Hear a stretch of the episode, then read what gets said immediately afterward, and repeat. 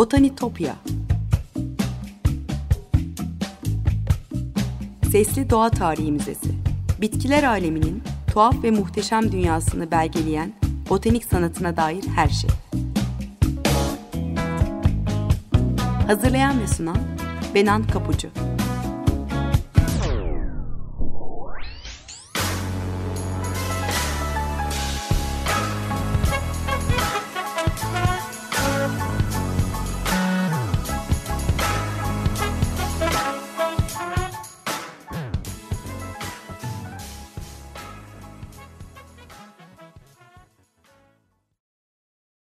Merhaba sevgili Açık Radyo dinleyicileri. Botanitopya'ya, bitkiler aleminin tuhaf ve muhteşem dünyasına hoş geldiniz. Anlatıcınız ben Benan Kapucu. botanitopya.gmail.com elektronik posta adresinden ya da aynı adlı Twitter hesabımdan her zaman bana ulaşabilir. Yorumlarınızı varsa katkılarınızı paylaşabilirsiniz. Yayın sırasında e, eş zamanlı olmaya çalışarak bazen bahsettiğim konuları görsellerle, e, linklerle, küçük özetlerle desteklemeye çalışıyorum. O yüzden Twitter hesabıma takipte kalırsanız çok mutlu olurum. Eski program kayıtlarına Spotify'dan Açık Radyo Podcast üzerine ulaşma şansınız olduğunu da buradan tekrar hatırlatmış olayım. Evet, 2023'ün ilk günündeyiz kainattan ahenkli seslerin yayıldığı, hep güzel haberler alacağımız, mutlu, sevinçli, umutlu bir yıl diliyorum hepimiz için öncelikle. Sevgili dinleyiciler bugün size öksü otunu anlatacağım.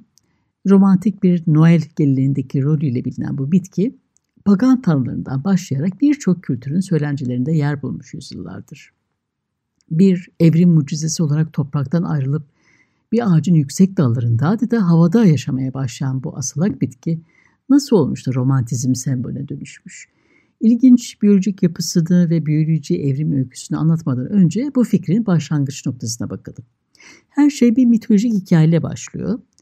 İskandinav tanrılarından Thor'un torunu e, Frigga'nın ve Odin'in oğlu Baldur bir sabah uyandığında yeryüzündeki her bitki ve hayvanın onu öldürmek istediğini düşünmeye başlar. Annesi Frigga Karısı olan ay tanrıcısı Nana onu teselli eder ama hepsi boşuna. Baldur korkudan çılgına dönerek e, içine dönmüşken annesi ve karısı her canlıdan zavallı Baldurlarını rahat bırakmalarını istemeye karar verirler. Meşe ağacının, domuzun, ineğin, karganın, karıncanın ve hatta solucanın anlayışını sınırlar. Her biri de bu nazik isteği kabul eder. Baldur işkenceden kurtulduğunu düşünüp tam bunu kutlayacakken korkunç bir acı hisseder. Ökse otunun odunundan yapılmış bir ok göğsüne saplanmıştır. Ökse otu karısının ve annesinin yeryüzünde fark edemediği tek türdü. Frigga Baldur'a zarar vermemesi için tüm varlıklardan söz almıştı ama ökse otunu sivriltip ok yapan çılgın tanrı Loki'yi unutmuştu. Frigga öfkeyle bitkinin bir daha yere değmesini yasaklar. Böylece bitki çok yükseklere çıkmak zorunda kalır. Baldur ölür ama bu korkunç olaydan bir ders alınır. Ökse otunu asla unutma. Öksü otu dünyaya ölümden çok sevgi getirecek, onun altından geçen iki kişinin anısına küçük bir öpücük konduracaktı. Ağaçlarda alışılmışın dışında yaşayan, kışın çiçek açan, meyve veren ve yapraklarını dökmeyen birkaç bitkiden biri olan öksü otu, antik çağlara dayanan zengin sembolizmini elbette bu sıra dışı özelliklerine borçlu. Bu yüzden yaşamı da temsil ediyor. Mitolojik hikayelerde hep ölümün galibi olarak anlatılıyor.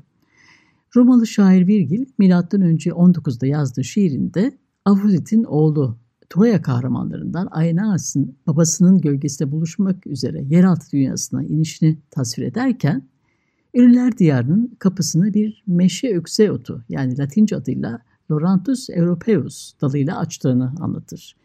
Böylece ökse otu hem ölümden güçlü olan yaşamın hem de karanlığı yenebilen ışığın simgesi olur. Pagan kültürleri ayrıca ökse otunun inci gibi beyaz meyvelerini erkek doğurganlığının sembolü e, olarak görüyordu. Antik Yunanlar ökse otundan o yüzden meşe spermi diye söz eder. Keltlerin topraklar olan Gaul'da Druidler onu kutsal bir bitki olarak gördüler. Şifası ve gizemli, doğaüstü güçleri olduğunu inanılıyordu. Druid rahiplerinin meşe ve ökse otu ritüelinde ökse otu kullanımından bahseden tek antik yazar yaşlı Plinius. Ona göre kentlerde ökse otu her dede deva kutsal bir bitkiydi. Ökse otu Dolunaylı bir gecede beyazlar giymiş rahipler tarafından altın bir orakla kesilir ve iki beyaz boğa kurban edilirdi. Doğa Tarih kitabında 16. bölümde şöyle yazmış. Smithsonian Magazine'de yayınlanan Rob Dunn'ın Mistletoe, The Evolution of a Christmas Tradition, Öksü Otu, bir Noel geleneğinin evrimi yazısından aktarıyorum size. Şöyle yazar, ee, Burada Galyalıların bu bitkiye duyduğu saygıdan bahsetmeliyiz. bahsetmeliyiz. E, druidler için ağaçlar arasında sadece meşe ve onda yaşayan ökse ağacı kutsaldır. Çok nadiren karşılaşılan ökse otunu bulduklarında toplarlar. Meşe ağacının altında bir ziyafet hazırlarken ökse otunu da deva olarak görürler. Boynuzları daha önce hiç bağlanmamış iki beyaz boğa getirirler. Beyaz bir elbise giymiş bir rahip meşeye tırmanır ve altın bir orakla ökse otunu keser. Sonra kurbanları feda eder ve Tanrı'ya yalvarırlar. Öksü otunu onlara bir hediye olarak verirler ve onlar için elverişli hale getirirler.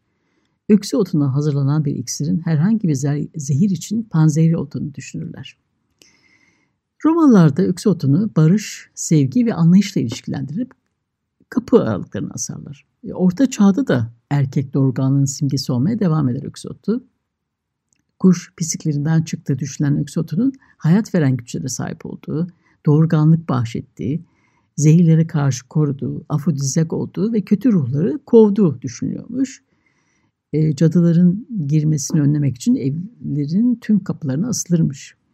Öksü otunun altında öpüşme geleneği ise özellikle 18. yüzyılın sollarında İngiltere'de popülerleşmiş. Hatta Victoria dönemi İngiltere'sinde öksü otunun altında duran bir kadının öpücüğü reddederse başına kötü şans geleceği dikte edilirmiş. Evet ona mistik özellikleri atfedilmesine neden olan ilginç büyüme ve yayılma davranışı üzerine konuşalım şimdi. Soylarından çok büyüme davranışı, yaşam modeliyle tanımlanan bir bitki grubu bu. Ortak özelliklerine göre üç gruba e, ayrılıyorlar. E, asalak, odunsu ve açıkta büyüyen yani köklerden ziyade bitkinin toprak üstü kısımlarını enfekte eden türler gibi. Farklı bitkilerde farklı büyüme modelleri gelişmiş evrim sürecinde. Öksü otu bilimsel adıyla Viscum album, Santalesi familyasına ait. Avrupa, Batı ve Güney Asya özgü asalak bir bitki türü. Avrupa'daki ortak e, öksek otu, yaygın olan öksü otu nun muadili, Amerikan muadili Poradendron leucarpum olarak adlandırılıyor. Yunanca'da beyaz meyveli ağaç hırsızı anlamına geliyor. Tüm öksü otu ailesi yine başka yarı parazit olan sandal ağacı gibi kökleri yerleşen atalardan gelse de dalları tırmanacak biçimde evrimleşmişler. Ağacın yukarılarına kadar çıkması, e, tüm bitkilerin boğuşlu bir sürünün çözülmesine yardımcı oluyor. Yani su ve güneş ışığı için diğer bitkilerle rekabet etmekten kurtuluyor. Asalak doğalarına rağmen çoğu eksotu hala fotosentez yapıyor ve bu nedenle ışığa sağlıklı erişime ihtiyaç duyuyor. Günümüzün çeşitleri kendileri de dahil olmak üzere her tür bitkiyi istila ediyor. Üç katman derinliğe indikleri tespit edilmiş. Yani öksü otunun üzerindeki öksü otunun üzerindeki öksü otu gibi. Dünya çapında binden fazla öksü otu türü var. Antarktika hariç her kıtada, çöllerde ve tropik yağmur ormanlarında, fundalıklarda ve okyanus adalarında yetişiyor. Araştırmacılar e, bugün hala nasıl evrimleştiğini araştırmaya, kullandıkları hileleri öğrenmeye çalışıyor. E, bizim topraklarımıza da yetişiyor elbette öksotu. Halk arasında gevele, güvelek, gövelek, purç, çekem adlarıyla da biliniyor. E, evet sevgili dinleyiciler bu noktada bir müzik arası verelim. E, öksotu demişken Sia'dan dinleyeceğiz. Under the Mistletoe. Sen ve ben bu öksetunun altında birkaç dakika sonra tekrar buluşacağız ve hikayemize devam edeceğiz. Merhabalar tekrar. 95.0 Açık Radyo'dasınız. Romantik anlamlar yüklediğimiz öksü otunu konuşuyoruz. Ağaçların tepelerinde hoş görüntüler oluşturan öksü otu türlerinin tamamı asalak, parazit dediğim gibi. Aynı zamanda fotosentez yapabildiğinden yarı parazit deniyor aslında. Öksü otu konakçılarının yani ulu ağaçların dallarına yapışıp su ve besinlerini çekerek yaşamını sürdürmeye çalışıyor. Bu hırsızlığı konakçı dokulara sızabilen özel bir yapı aracılığıyla e, yapabiliyorlar. Yaygın türleri görkemli ağaçlara seçiyor kendine. Kabaklara, söğütlere, elma ağaçlarına, huşlara, fındıklara, ıhlamurlara ve akça ağaçlara yerleşmeyi seviyor. E, köknar, çam ve ladin gibi kozalaklı ağaçlar da öksü otu taşıyabiliyor. Kuş yuvaları gibi kümelenen öksü otu e, kışın e, bu ağaçların yapraklarını döktüğü dönemde soğuk aylarda özellikle göze çarpmaya başlıyor. Asılak oluşlarına rağmen öksü otlarının bitkileri Robin Hood'u olduğunu söyleyebiliriz rahatlıkla. Kuşlardan kelebeklere ve memelilere hatta ara sıra balıklara kadar hayvanlar için yiyecek, barınak ve avlanma alanı sağlıyorlar. E, düşen öksü otu yaprakları öteki durumda ağaçların arasında hapsolacak olan besinleri orman zeminine salıyor ve bu cömertlik besin zinciri boyunca dalga dalga yayılıyor. Yani öksü otlarının servetlerini paylaştığını, bu besinleri kapıp sonra bıraktıklarını söyleyebiliriz e, pekala. Tüm bu besin maddelerini çalmak için öksü otlarının bir konakçıya bulaşması gerekiyor elbette. Araştırmacılar hala ince ayrıntıları e, bulmakla meşgul. Süreç şöyle ilerliyor.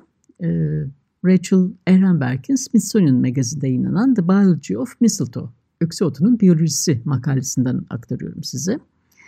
Tohum genellikle bir kuş aracılığıyla konukçu bir bitkiye taşınıyor ve köke dönüşecek bir yapıyla kabuğa nüfus ediyor. Salgıladığı sindirim enzimleri ağacın sızması, ağacı sızmasının yardımcı oluyor. İçeri girdikten sonra öksü otu konakçı hücrelerin etrafından ağacın su iletim sistemini oluşturan ksilel dokusuna doğru sıkışıyor. Ardından tehlikeli hamle geliyor ve otu hücreleri buraya bağlanarak su ve besinleri çalmaya başlıyor. Diğer asılak bitkilerde olduğu gibi öksü otunun konakçılarını istila etmek için kullandığı yapıya haustorium deniyor. Latince su içen veya su çeken anlamına gelen haustor kelimesinden türemiş. Haustorium türlere göre de değişebiliyor. Kimi öksü otları ince, asmalardakine benzer uzantılar gönderiyor. Biz birden fazla haustoriye sahipler.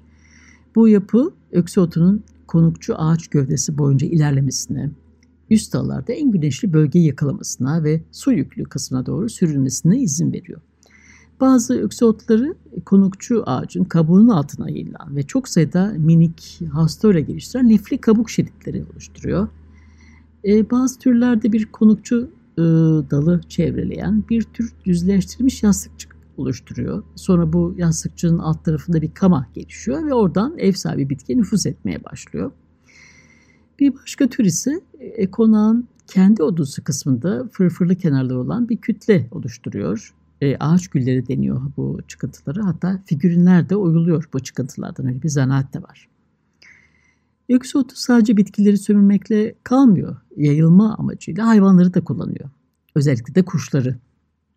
İngilizce'de mistletoe adı da zaten bunu çağrıştırıyor. Tohumları yiyen ve onları yeni konukçu bitkilere dağıtan kuşların pisliğine benzetilerek Anglo-Sakson dilinde dal anlamına gelen misl ve pislik anlamına gelen tal sözcüklerinden türetilmiş. Ee, yaklaşık 90 kuş türü var. Nektar açısından zengin olan öksü otundan beslenen e, panopel, pepla, orman tavuğu, yaz güvercinleri, siyalya mavi kuşlar, akşam kocabaşları, ardıç kuşları ve güvercinler gibi. Doğa bilimci ve yazar John Muir 1890'ların sonlarında Kaliforniya dağlarında öksü otu yiyen Amerikan kızılgerdanları yani robinlerden bahsederken şöyle yazmış. Robinlerin çoğunun ağaçların daha büyük dallarının rüzgar almayan tarafında kardan korunabileceği yerlere sindiğini gördüm. Bu arada daha cesur 2-3 ağaç kakan eksi otu meyvelerine ulaşmak için karla kaplı kütlelerin alt tarafına geriye doğru yapışarak umutsuzca çabalıyordu diye yazmış. Yaygın olan eksi otu oldukça sıkıcı küçük çiçeklere sahip olsa da kuşlarla tozlaşan türlerin çoğu şatafatlı, canlı kırmızı çiçeklere sahip.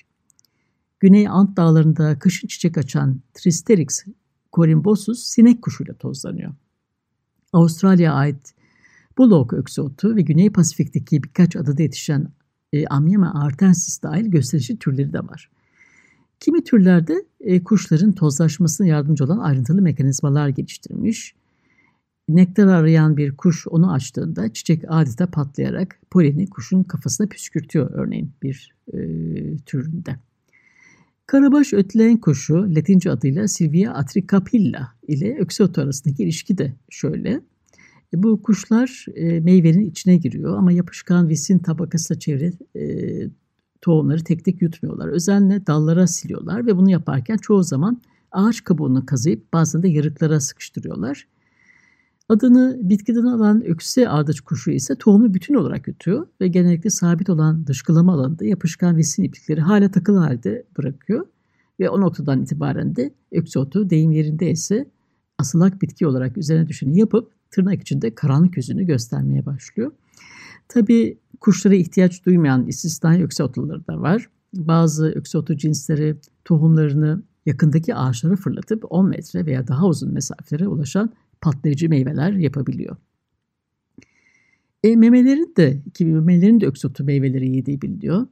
Dünyanın her yerinde geyik, kirpi, gergetan, keseli, sıçan gibi hayvanlar ve çok sayıda kelebek türünün tırtılları ile besleniyor. E, doğada ideal bir yuva malzemesi ayrıca. Kertenkeleler ve kuşlar aynı zamanda mesken olarak hizmet edilen yoğun yapraklı öksü kümelerinde böcekleri yakalıyor. Sinek kuşlarından su kuşlarına dek her büyüklükteki kuş gibi sincapların ve diğer memelilerin e, birçok e, memelinin evlerini ile yaptığı biliniyor. Avustralya'da yapılan bir araştırma 245 kuş türünün öksü otlarında yuva yaptığını ortaya çıkarmış. Benekli baykuşlar, şahinler, uzun kulaklı baykuşlar, boz alakarga, kırmızı çapraz gagalar ve bülbüller gibi. Atmaca ve onun akrabaları e, gibi kimi yırtıcı kuş türleri yuvalarını örmek için taze öksü otu dallarını kullanıyor. Kuşlar ayrıca öksü otuna benzeyen cadı süpürgesinde yuva yapmak için e, harika bir yer olarak görüyor. Öksü otunun e, besleyici özelliği yaşadığı habitat için son derece önemli. Yere düştükten sonra çürüyen yaprakları, bitkileri, böcekleri, mantarları ve daha fazlasını besliyor dediğim gibi. Zimbabwe savanında yaşayan öksü otları üzerine yapılan bir araştırma bu çürüyen yaprakların toprağa ek nitrojen, fosfor ve diğer besin maddelerini pompalayarak otların çeşitliliğini arttırdığını ortaya koyuyor. Yine bu size bahsettiğim makaleden aktarıyorum size. Öksü otunun şifalı yönleri de var. Tıpta bitkinin tamamı kullanılıyor. 19. yüzyılın ortalarından itibaren e, Karayipler'de özellikle bitki uzmanları, herbalistler öksü otundan tanrı çalısı olarak bahsetmişler.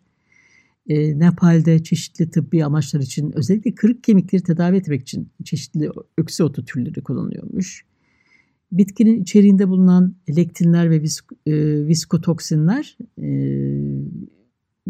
kan basıncını düşürmeye, bağışıklık sistemine uyarmaya ve istenen e, yerel iltihaplanmaları tetiklemeye yardımcı olmak için çeşitli ilaçlarda kullanılmış. E, geleneksel ve alternatif tıp uygulamalarında öksatuna henüz kanıtlanmamış ek yetenekler de atfediliyor. Yani kansere çare olduğu gibi. Pagan inanışlarında olduğu gibi öte dünyadaki cennetten düşüp dünyada büyümeyi başarmış bir bitki. Öksü otu dendiğinde Noel'in romantik öksü otu altında öpüşme geleneği akla gelse de bir Noel süsü olmaktan öte topraktan başlayıp havada biten evrim yolculuğu, yaşam çeşitliliğine katkısıyla da büyüleyici bir bitki kuşkusuz. Evet sevgili dinleyiciler Öksü Otu'nun hikayesi de böyle. Botanitopya'daki keşif yolculuğumuz bu haftalık sona ermiş bulunuyor.